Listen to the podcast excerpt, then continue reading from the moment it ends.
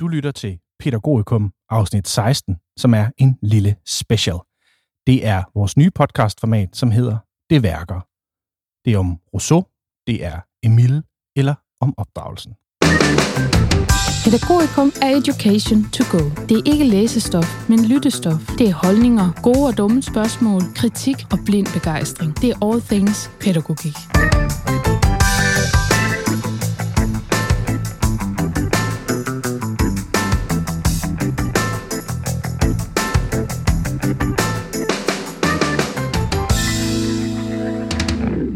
Lytter til afsnit 16 af Pædagogikum, og det er en lidt speciel udsendelse. Du lytter nemlig til vores nye format, som ikke vil erstatte de vanlige afsnit, men er til dukker op i dit feed som en slags alternativ til vores kendte format. Det nye format hedder Det Værker, og vi fokuserer her på betydningsfulde værker fra pædagogikkens mere end 2.500 år gamle nedskrevne historie. Vi skal i dag se på måske det mest indflydelsesrige værk i nyere historie. En bog, der i sin samtid, og måske i særdeleshed i sin eftertid, slog alvorlige buler i den pædagogiske og filosofiske historie og praksis, og inspirerede et hav af kendte pædagogiske tænkere, nogle måske mere end andre. For i 1762 kommer Jean-Jacques Rousseaus hovedværk, og det drister jeg mig til at sige, og det er med den mundrette titel Emile eller om opdragelsen. Jeg skal spare lytterne for min udtale af den franske originaltitel. Men i daglig tale, Emile, som bliver skældsættende for pædagogikkens fremtid, og ikke mindst for vores svejsisk-franske filosof, moralist, samfundstænker og pædagog. Den store danske lader os vide, at øh, Rousseau, og ikke mindst med Emile, har haft indflydelse på moderne vestlig civilisation. Og det er måske mere end, hvad man kan sige om de fleste. Emil er titlen på denne prosatekst og samtidig navnet på en dreng, som er bogens hovedperson. Han udsættes for negativ opdragelse eller naturens metode, som det hedder hos Rousseau. Det er et opgør med Rousseaus samtid, med en opdragelsesforståelse med en Gud, der tænker på en særlig måde. Til at blive klogere på Emil i denne første udgave af Pædagogikums Det Værker, har jeg inviteret en enkelt gæst. Dagens gæst er Thomas Lindebæk. Thomas er uddannet pædagog fra Københavns Socialpædagogiske Seminarium. Han har en kandidatgrad i pædagogisk filosofi fra DPU Aarhus Universitet og arbejder til dagligt som lektor på dagtilbudsspecialiseringen ved VIA pædagoguddannelsen i IKAST. Thomas er blandt andet optaget af leg, indretningens pædagogiske kraft og børns perspektiver. Derudover er Thomas medforfatter til en række faglige artikler og et bogkapitel om samspillet mellem indretning og leg. Velkommen til podcasten, Thomas. Mange tak, Peter. Nå, Thomas, vi sidder her, du har den med endda, Emil eller om opdragelsen. Hvad er det for et værk, øh, vi sidder med her? Ja, som du siger, så er det jo et værk, der har haft kolossal betydning. Måske nok især i eftertiden. Mm-hmm. Og jeg tænker, det er et værk, der har haft kolossal betydning for mig, fordi jeg tænker, det har formet mig meget ind i den måde, jeg også tænker på, både i forhold til dagtilbudspædagogik, men faktisk også i forhold til min undervisning. Øhm, og så tænker jeg, det er et værk, der har haft en kolossal betydning på, hvordan vi ser på børn og barndom i dag. Øh, og at jeg tror, sådan rent subjektivt tror jeg, at øh, vi ville ikke være der, hvor vi var nu, hvis det ikke var for Rousseau. Det her værk, det har, det har formet meget, kan man sige, den måde, vi tænker pædagogik på. Ja, jeg indleder med at sige, at det har slået alvorlige buler, både i pædagogikken og i filosofien. Og manden her, vores, vores forfatter Rousseau, har, har haft indflydelse på hele den vestlige civilisation. Hvem var øh, Jean-Jacques Rousseau, vores svejsisk-franske alt muligt mand? Jamen, øh, Rousseau kom til verden i 1712 i Genève, øhm, og han var barn af to franske flygtninge, som var flygtet til Genève grundet deres øh, religiøse overbevisning. De var kalvinister, protestanter, øh, men måtte flygte til Genève på grund af det. Øh, og han blev født øh, der, og hans mor døde faktisk under fødslen, så han blev øh, opdraget af sin far. Øh, Og lige præcis den her opdragelse af faren, øh, var meget præget af, at de sammen fordybede sig i ma- mange af antikens værker, altså værker fra Grækenland og fra Rom, og det satte sig et vejet spor i Rousseau, øh, som kom til at påvirke hans tænkning resten af hans liv. Men så da han er 10 år, så sker der så det, at Rousseaus far bliver rodet ind i en duel. Han udfordrer simpelthen en anden mand til duel, om at må flygte på grund af det. Og efterlader jo så Rousseau som 10-årig. Og det betyder jo så, at Rousseau bliver sendt i lære, og han bliver sendt i lære og pleje på landet uden for Genève. Og her møder Rousseau, kan man måske sige, naturen. Og naturen får jo som sagt også en kæmpe indflydelse på Rousseaus tænkning igennem hele hans liv. Sikkert er en, en fortælling. Det, det var duellernes tid der i, øh, i, i midten af 1700-tallet. Ja, Hvad er det for en opdragelse eller en, en dannelse, som øh, Rousseau han opfordrer til med hovedværket her, Emile? Jamen, som du selv berører i din intro, Peter, så, så, så hvad hedder det, så Rousseau han sætter fokus på det, han betegner som den negative opdragelse. Øh, og det skal måske siges først jo, at øh, den diskussion, Rousseau går ind i, det er jo det er diskussionen i forhold til det pædagogiske paradoks. Altså kan man sige, hvordan kan man bringe et menneske til at blive frit og autonomt igennem tvang? Øhm, og det er jo egentlig den diskussion, han fortsætter, kan man sige. Og ind i hans negative opdragelse, som man betegner den som, der er, kan man sige, tre opdragere. Der er tingene, og der er naturen, og der er mennesket. Og de er sideordnede, kan man sige. Så der er ikke nogen, der, der er ikke en hierarkisk opdeling mellem det her. De er sideordnede. Og, og det, er, det her, det måske begynder at blive lidt langhåret, kan man sige. Men når Rousseau han snakker om naturen, så snakker han ikke om, at vi skal tilbage til en eller anden naturstilstand, eller at, øh, øh, at mennesker skal leve ude på landet. Nej, han snakker om, at når man ser på det naturlige barnet, så handler det om at se på barnets naturlige anlæg og naturlige tilbøjeligheder. Så han er meget opmærksom på det her med, at, og det er måske noget af det, der er helt unikt ved ham, og som han er en af de første sætter fokus på, det er, at opdragelsen eller dannelsen skal tage udgangspunkt i barnet som subjekt. Så opdragelsen er kun mulig, når opdrageren kender barnet. Øhm, og så det andet aspekt, kan man sige, det er, at Rousseau han har fokus på tingenes opdragende effekt. Øh, Rousseau er meget øh, inspireret af John Locke. Øhm, og i John Locke's tænkning er der også et, et, et, et, et, et fokus på, hvad hedder det, øhm, det pragmatiske. Øh, men med Rousseau, han, han drejer det ind i den her vinkel til, at det bliver fokus på barnet som et subjekt, hvor det hos Locke måske er mere sådan en, en doserende tilgang, kan man sige. Øh, og sådan fungerer det ikke hos Rousseau. Og det kommer jo i spil med det her, når han snakker om, hvad er tingene og menneskets rolle i forhold til barnets opdragelse. Og der er det, at tingene får den rolle, at tingene skal sættes til rette, og det er så opdragen, der skal gøre det, men stille ting til rådighed, og tænke, hvordan barnet skal møde de her ting. For det er igennem mødet med tingene, at barnet udvikler sin fornuft og sin dømmekraft. Øhm, lidt også fra Locke har han nok også det her med at tænke sådan lidt stadier i barnets udvikling, kan man sige. Og nogen har også fortolket Emil som om, at de forskellige bøger hører til et øh, bestemt alderstrin.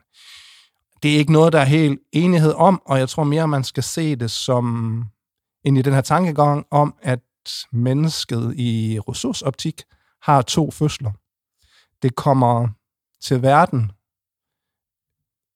som et artsindivid, men bliver først til et frit, fornuftigt menneske igennem opdragelse så er det kun igennem den her opdragelse, at, din, at mennesket kommer til fornuft.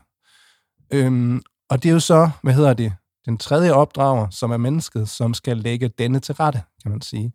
Så nogen har fortolket Rousseau i den retning, at han var fortaler for sådan en øh, fri opdragelse, hvor den voksne ikke skulle være til stede, men i min optik, så kunne det ikke være mere forkert. Den voksne spiller en helt afgørende rolle i forhold til at tilrettelægge, hvordan barnet skal mødes for ting, for, præsenteres for tingene, og derigennem øh, opdrages til fornuft. Ja, vi må ikke forstå det her som øh, sådan en laissez-faire øh, forståelse, som øh, der i nogle munde øh, altså er, at, at øh, Rousseau bliver udlagt som. Nej, det kan man nemlig sige, og det har du fuldstændig ret i, Peter, der, at det er jo en af de måder, at man kunne... Eller Rousseau er blevet fortolket, kan man sige, ind i sådan en laissez-faire tankegang, kan man sige, hvor det er en land stå til, kan man sige, og hvor alt inden for barnet, øh, det er godt, og det skal man bare lade være at vokse i sig selv. Og det er jo, Rousseau er jo meget uenig i det. Han siger, at alt, hvad vi bliver, det får vi igennem opdragelsen. Jeg kunne godt tænke mig at citere Korsgaard Christensen og Jensen i den bog, der hedder Pædagogikkens idehistorie fra 2017. De skriver om Rousseau og Rousseaus øh, menneskesyn og børnesyn, at øh, barndommen har måder at se, tænke og føle på, som er særlige for den. Intet kan være mere tåbeligt, end at ville erstatte denne barnlige opfattelsesmåde med vores egen. Barndommen er naturens alder, må vi forstå. Barndommen er ikke mindre værd eller ufærdig eller mindre øh, værdig end de voksnes øh, fornuft, for barnet er naturligt. Det er den voksne derimod ophørt med at mm. være. Mm. Og det taler jo direkte ind i noget, som er jo helt særligt ved Rousseau, eller noget af det der, kan man sige, måske sætter ham på verdenskortet. Og det er jo det her, han sætter fokus på den her uvidenhedsdifference, der er mellem barndommen og voksendommen. Øh, at barndommen er åben, og dermed ukendt. Vi ved ikke, hvad barnets fremtid bringer. Vi ved ikke, hvad de her naturlige anlæg, de kan føre til. Øh, og derfor kan man sige, så står barnet og den voksne i to øh, adskilte verdener. Og, og derfor bliver spørgsmålet også, hvordan kan vi opdrage mennesker, når barndommen er ukendt mhm. og åben? Nu er vi jo i 1762, og jeg fik også indledningsvis nævnt uh, The Big G upstairs, Gud. Hvad er, øh, hvad er Rousseaus forhold til, øh, til Gud, som, som lidt det skaber lidt ballade i, i, i 1762. Jamen, det gør det, og Rousseau, han kan man måske sige, har et, et forholdsvis afslappet forhold til Gud. Øhm, og det er faktisk noget af det, en af hans samtidige af Voltaire, kommer han faktisk, som er faktisk starter med, at, Rousseau ham, de starter med at være gode venner, da Rousseau han flytter til Paris som, som 30-årig, men på den lange bane, kan man sige, kommer de to i konflikt, og det drejer sig faktisk lige præcis om deres forhold til religion, hvor Rousseau han mener, at religion det er sådan set noget, som ikke har noget at gøre ind i diskussioner omkring, hvordan samfundet skal indrettes. Og, altså, og, um, og der har Voltaire en lidt anden holdning. Øh, han mener godt, at det er noget, man kan drøfte, men Rousseau han mener sådan set, i og for sig måske nok, at, det, at religion er noget, det hører privatlivet til. Mm. Vi må også forstå ud fra Rousseau, at øh, fra Gud, eller fra skaberen, der udgår alt godt. Og derfor er barnet født godt. Ja, det kan man jo sige, at øh, det indleder Rousseau jo Emil med, at alt, som udgår for skaberens sender, er godt, men i menneskets sender, der udarter det sig. Øhm, og der kan man jo sige, at noget af det, der også får Rousseau i konflikt med hans samtidige, det er jo faktisk, at han er at han er kritisk over for, hvad hedder det, at øh, udviklingen om, og om udvikling og kunst og litteratur, det fører til sædernes forfald, eller om det mm. fører til sædernes, eller kan man sige, moralens øh, ophøjelse. Mm-hmm. Altså, og han besvarede en prisopgave for Akademiet i Dijon, som lige præcis handler om det her spørgsmål. Og der gør han jo det, som er meget rousseausk måske, kan sige, at han er i opposition, mm. øh, i konflikt, øh, og siger jo så lige præcis, at kunsten og litteraturen fører til sædernes forfald. Så kan man sige, ind i en oplysningstankegang om, at vi skal igennem kunst, litteratur og oplysning befri os fra ydre afhængighedsforhold, så er han i hvert fald kritisk. Mm-hmm. Således også et, øh, et øh, opgør med det immanent syndige i barnet, med arvesynd, med, øh, med balladen, medfødte ballade fra Adam og Eva, øh, som Rousseau får øh, gjort op med her.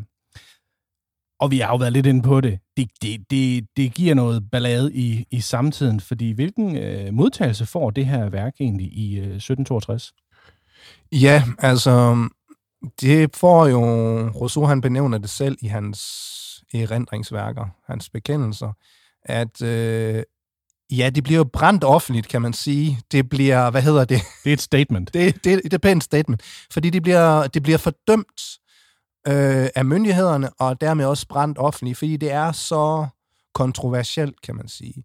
Og nu kan jeg måske lige sige tilgift til det, du sagde i din intro, Peter.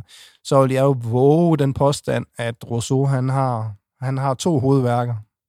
At der kommer, som begge to kommer i 1762, og det ene, det er Emil, eller om opdragelse, og det andet, det er samfundskontrakten. Mm. Og i den ene, der har Rousseau jo fokus på mennesket, barnets opdragelse til frihed, og i den anden har han fokus på menneskets opdragelse til borger.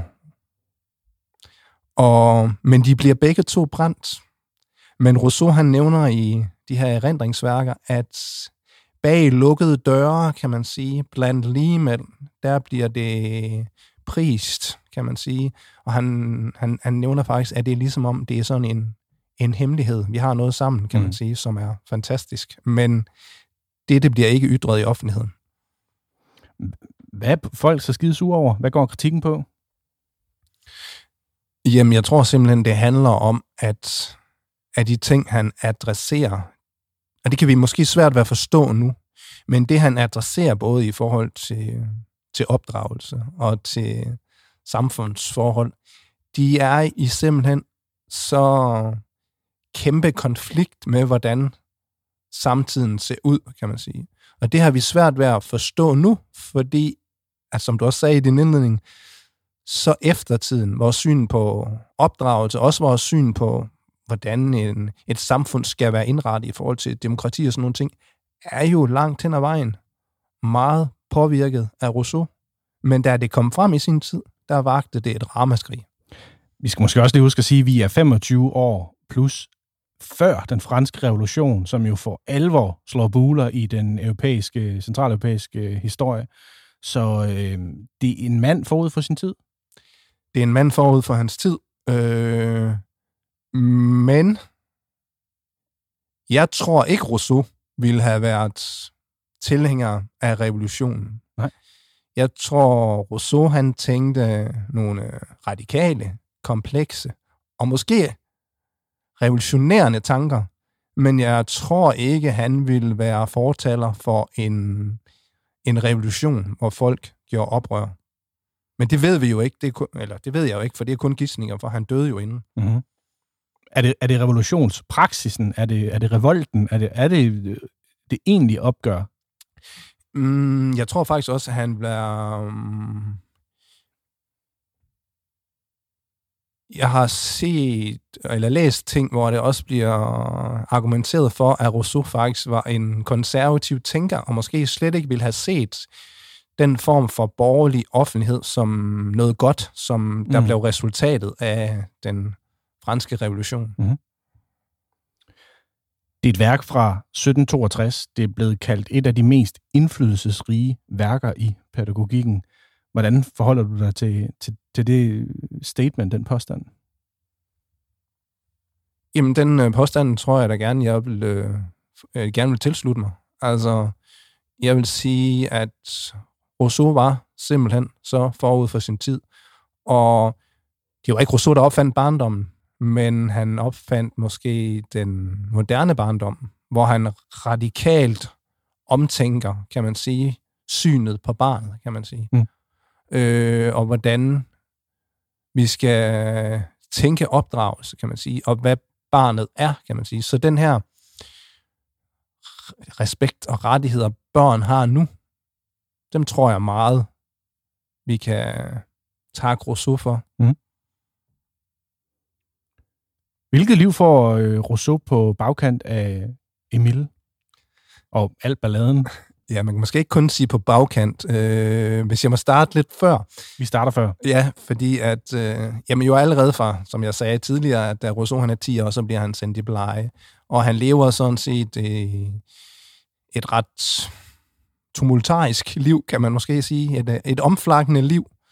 Øh, og indtil, øh, men fatter, kan man sige, en interesse for musikken.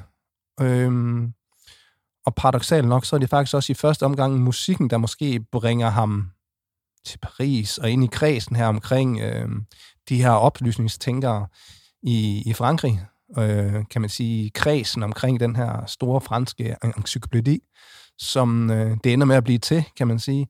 Og det er hans øh, tekster omkring øh, musik, og han skaber også faktisk selv, så vidt jeg har forstået, et nodesystem, og han skriver flere han, han komponerer også øh, symfonier og sådan noget, og får blandt andet nogle af dem fremvist for den øh, franske konge og sådan noget med, med stor succes. Øh, men der, hvor han måske får sit, kan man sige, øh, folkelige gennembrud, det er måske nok der, hvor han besvarer den prisopgave, øh, prisopgave for Dijon Akademiet, hvor han øh, sætter spørgsmålstegn ved, om kunsten og litteraturen fører til sædernes øh, fremdrift, eller sædernes fald, for det er ligesom der, han, han øh, slår igennem på en lidt en anden scene, kan man sige, og det er også der, han, det er også det, der måske fører ham ind på den vej, der også ender med, med hans to hovedværker, som jeg har nævnt, Emil og Samfundskontrakten, hvor han jo sætter fokus på opdragelse og stats samfundsindretning, kan man sige. Øhm, men hans liv og det hænger nok også sammen med, som jeg også har læst og hørt, kan man sige, at Rousseau ville være en, en field day, eller en field trip for en psykiater. Fordi ja, det siges, at Rousseau jo både var, han var kolerisk, han var kleptoman, han var, han var lystløgner, han var psykopat. Altså, øhm, og i hans egen, øhm, kan man sige, øh, bekendelser, som jeg også har nævnt, der nævner han jo selv, at han bliver nødt til at sende sine børn væk, fordi at det ville være forfærdeligt, at de skulle leve sammen med ham. Mm. Og af den grund, så ryger alle hans fem børn, som han får sammen med sin første elskerinde og siden øh, kone, Therese, de ryger på Vejsens hus, eller børnehjem, øh, så man kan sige, han praktiserede jo måske ikke helt det, han prædikede, kan man sige. Eller? Nej, ikke helt. Nej. Mm.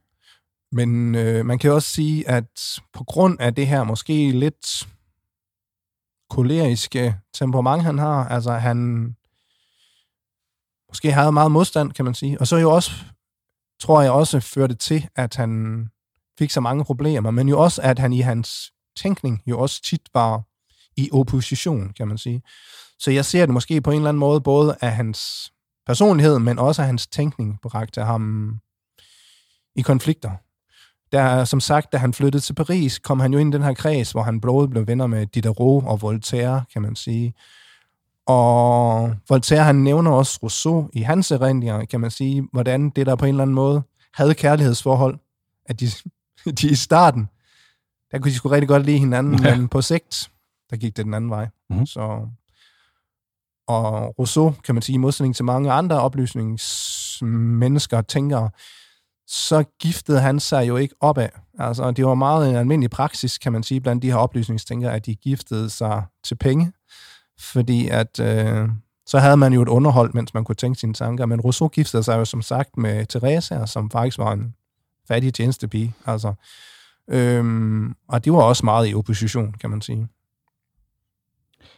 han laver faktisk så meget ballade og sætter både og sætter alt muligt i brand, både øh, i bogstaveligste forstand, men også sådan rent øh, filosofisk, at han må flygte fra øh, Frankrig. Er det, øh, er det korrekt forstået? Ja, altså han, igennem hans liv øh, flygter han jo mange gange, og skifter også, altså, altså apropos hans lidt øh, løse forhold til religion, han skifter jo også religion, kan man sige, øh, eller retning, kan man sige, flere gange sådan lidt afhængig af, hvad der, der passer. Hvad der trender. Ja, på en eller anden måde. Mm-hmm. Så, men det bringer ham tit i uføre, kan man sige. Øhm, så han lever, det, det er lidt et hårdt liv, kan man sige, mm-hmm. så han har. Hvordan ender det hårde liv for Rousseau? Jamen, han dør jo i 1778 i Frankrig. Øhm, og der er han jo han er jo gået, han har trukket sig tilbage for, mm. kan man sige, fra ligesom, hvad hedder det, offentligheden, og lever de, som jeg, så vidt jeg har forstået, så lever han de sidste år af hans liv med at faktisk at skrive noder. Altså. Mm-hmm. Så, tilbage til musikken. Tilbage til musikken, ja, kan man sige. Og han ender jo med at blive gravsat i Pantheon i Paris, som jo er en, en tidligere kirke, men efter er blevet til et mausoleum over kan man sige, oplysningstænkere. Wow. Ja. Det er et sted, man kan besøge det er, i dag. Det er et sted, man kan besøge i dag, og jeg har, ja, jeg har jo selv besøgt det, og mm. altså, så... Du sendte manden en tanke? Ja, jeg sendte manden en tanke. Så. Måske en tak. Ja. Han, øh, han dør, men hans øh, arv, hans øh, værk øh, lever videre, fordi øh, mit næste spørgsmål er, hvad og hvem mm. inspirerer Rousseaus Emile Jamen altså, Rousseau, Emil, Rousseau's Emil inspirerer jo rigtig, rigtig, rigtig mange, kan man sige. Øh, og det gør samfundskontrakten jo faktisk også. Det har vi allerede været inde på. Men altså, for måske lige at sætte et billede på det, så vil jeg da måske gerne lige uh, fortælle en, uh, en lille anekdote, kan man gerne. sige. Kant, som jo levede samtidig og lidt efter, kan man, hvis man kan sige det mm-hmm. på den mhm. måde, efter Rousseau, var jo meget, meget inspireret af Rousseau, selvom man jo måske godt kan sige, at deres tænkning står i opposition til hinanden. Ja, der er lidt et kontrastbillede øh, der. Der er lidt et kontrast. Men man kan jo fortælle historien om Kant, som jo levede hele hans liv i den by, der dengang hed Königsberg, hvor han øh, arbejdede på det forholdsvis lille og måske ikke så mm, øh, altså anerkendte måske universitet, som lå der. Øh, men Kant var jo en, øh, en mand, der godt kunne lide øh, rutiner, kan man måske sige. Og hver dag, der gik Kant sin faste tur rundt om søen i Königsberg. Det var ligesom et fast ritual, han havde, kan man sige hvor Rousseau han levede et meget øh, omflakkende og følelses øh, omsust liv, så var Kant måske lidt en anden grøft. Men den dag Kant, han modtog Emil, eller om opdragelse med, med posten, eller med postdiligencen måske, øh, så var det den eneste dag i Kants liv, hvor han ikke gik sin tur rundt om søen. Fordi Kant, han blev simpelthen så opslugt af det værk, kan man sige. Så kan man sige, ja, Kant var dybt inspireret, og måske i opposition til Rousseau, men dog dybt inspireret. Mm-hmm. Så. Og så siges det også, at inde i Kants spartansk indrettede arbejdsværelse, der hang kun et billede. Og det var Rousseau. Wow. Det er en indflydelse på en af de altså andre højdespringere, som måske skal rundes her i det værker. Hvem ved Immanuel Kant? Derudover så inspirerer Rousseaus idéer og værker. Øh, kendte folk som Herder, som Schiller og som øh, Humboldt. Hele nyhumanismen, hele Bildung-tanken, som opstår i Tyskland, skylder også en tak til øh, Rousseau og måske til Emile. Øhm, Humboldt, som jeg har lavet mig fortælle, var på sit højeste verdens mest kendte menneske øh, i, i, på linje med Obama og øh, Trump og sådan nogen i dag. Så det er altså ikke hvem som helst, som vores... Øh, og, og, og det er heller ikke øh, alle mulige løse strøtanker, som, øh, som Rousseau han får, han får dyrket eller øh, skaber grobund for i de her øh, mennesker. Så en helt dannelsesforståelse, en retning hos, øh, hos tyskerne øh, for vores, øh, vores gode ven her også, øh, hvad skal man sige, induceret.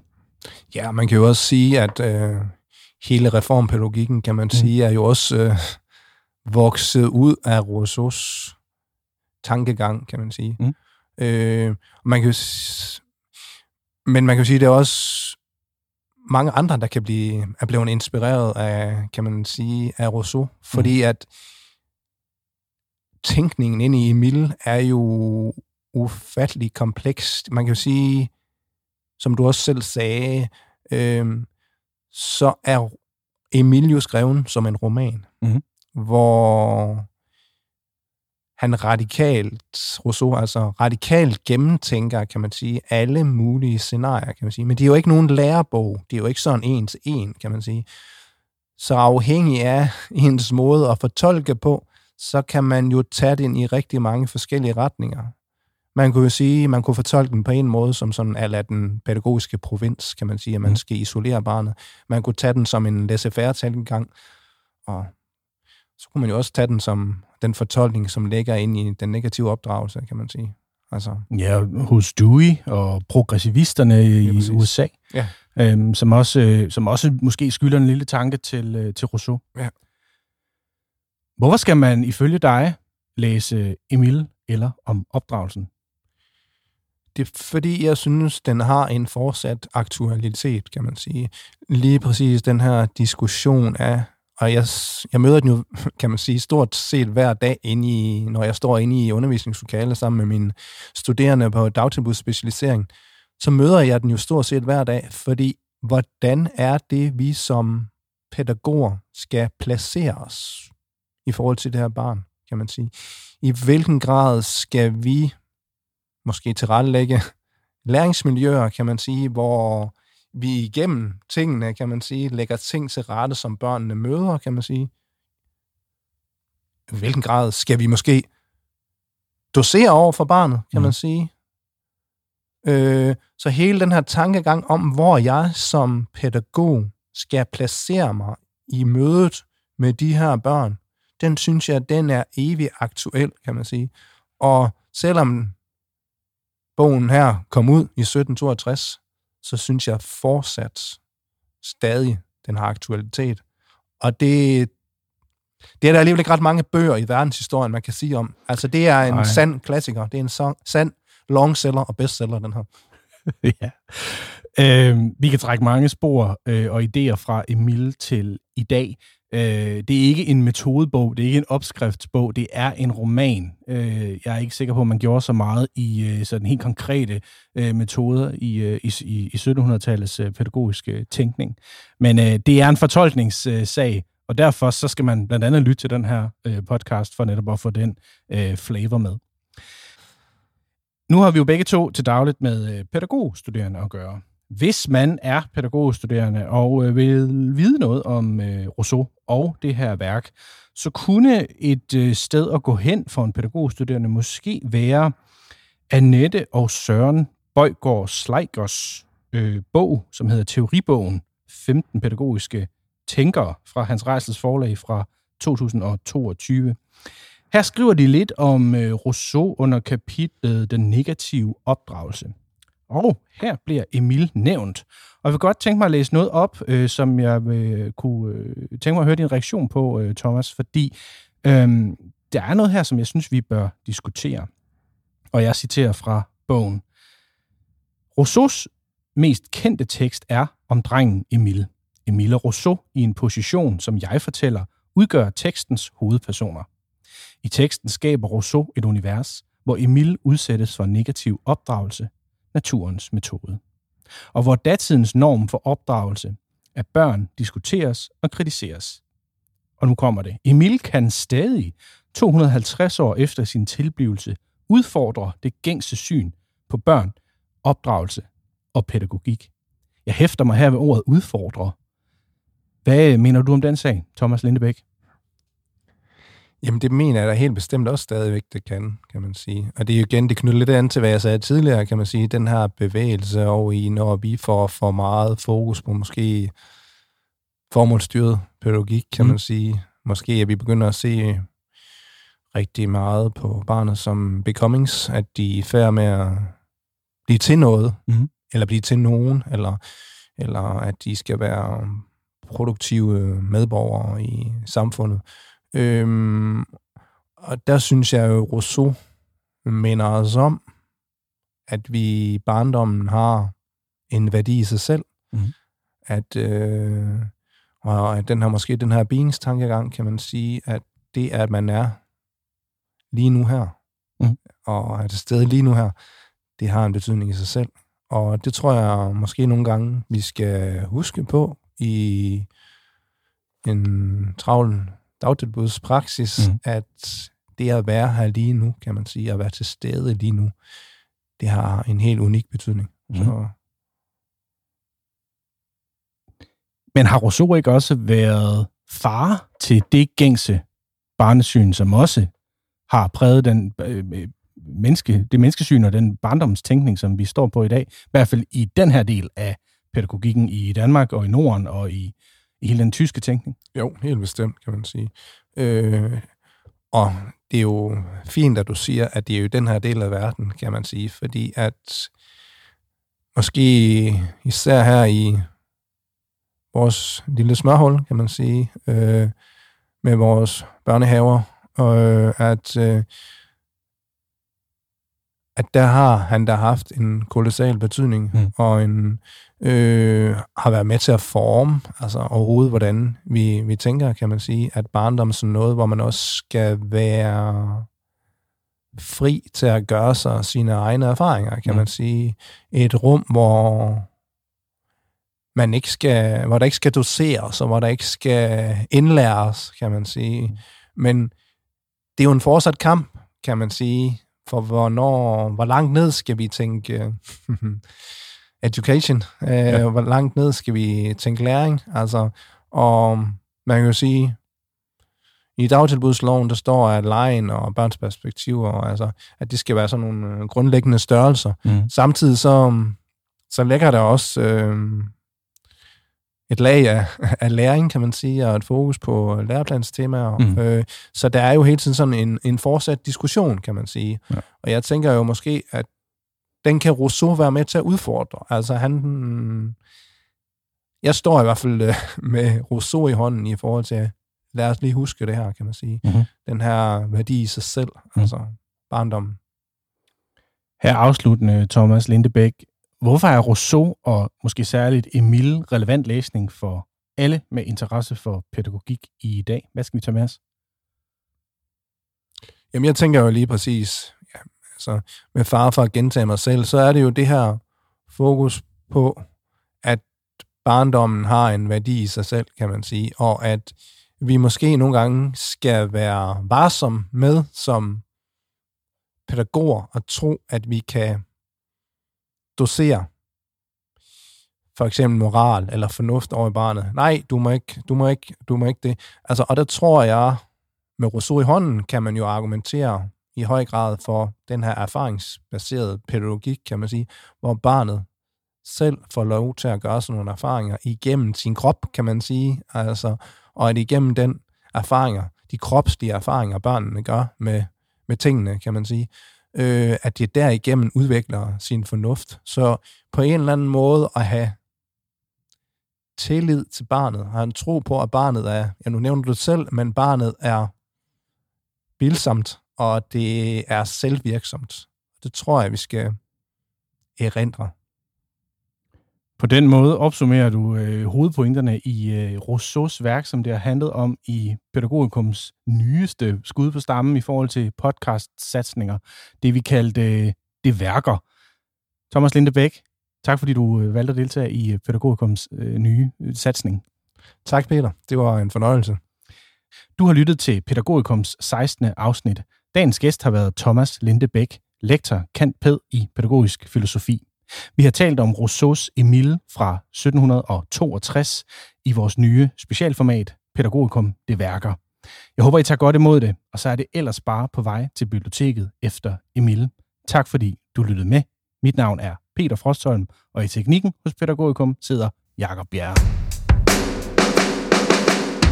Du lyttede til Pædagogikum, Danmarks podcast om pædagogik. Følg os på Facebook og husk at abonnere på podcasten. Så modtager du notifikationer, når der er nye afsnit. På genlyt.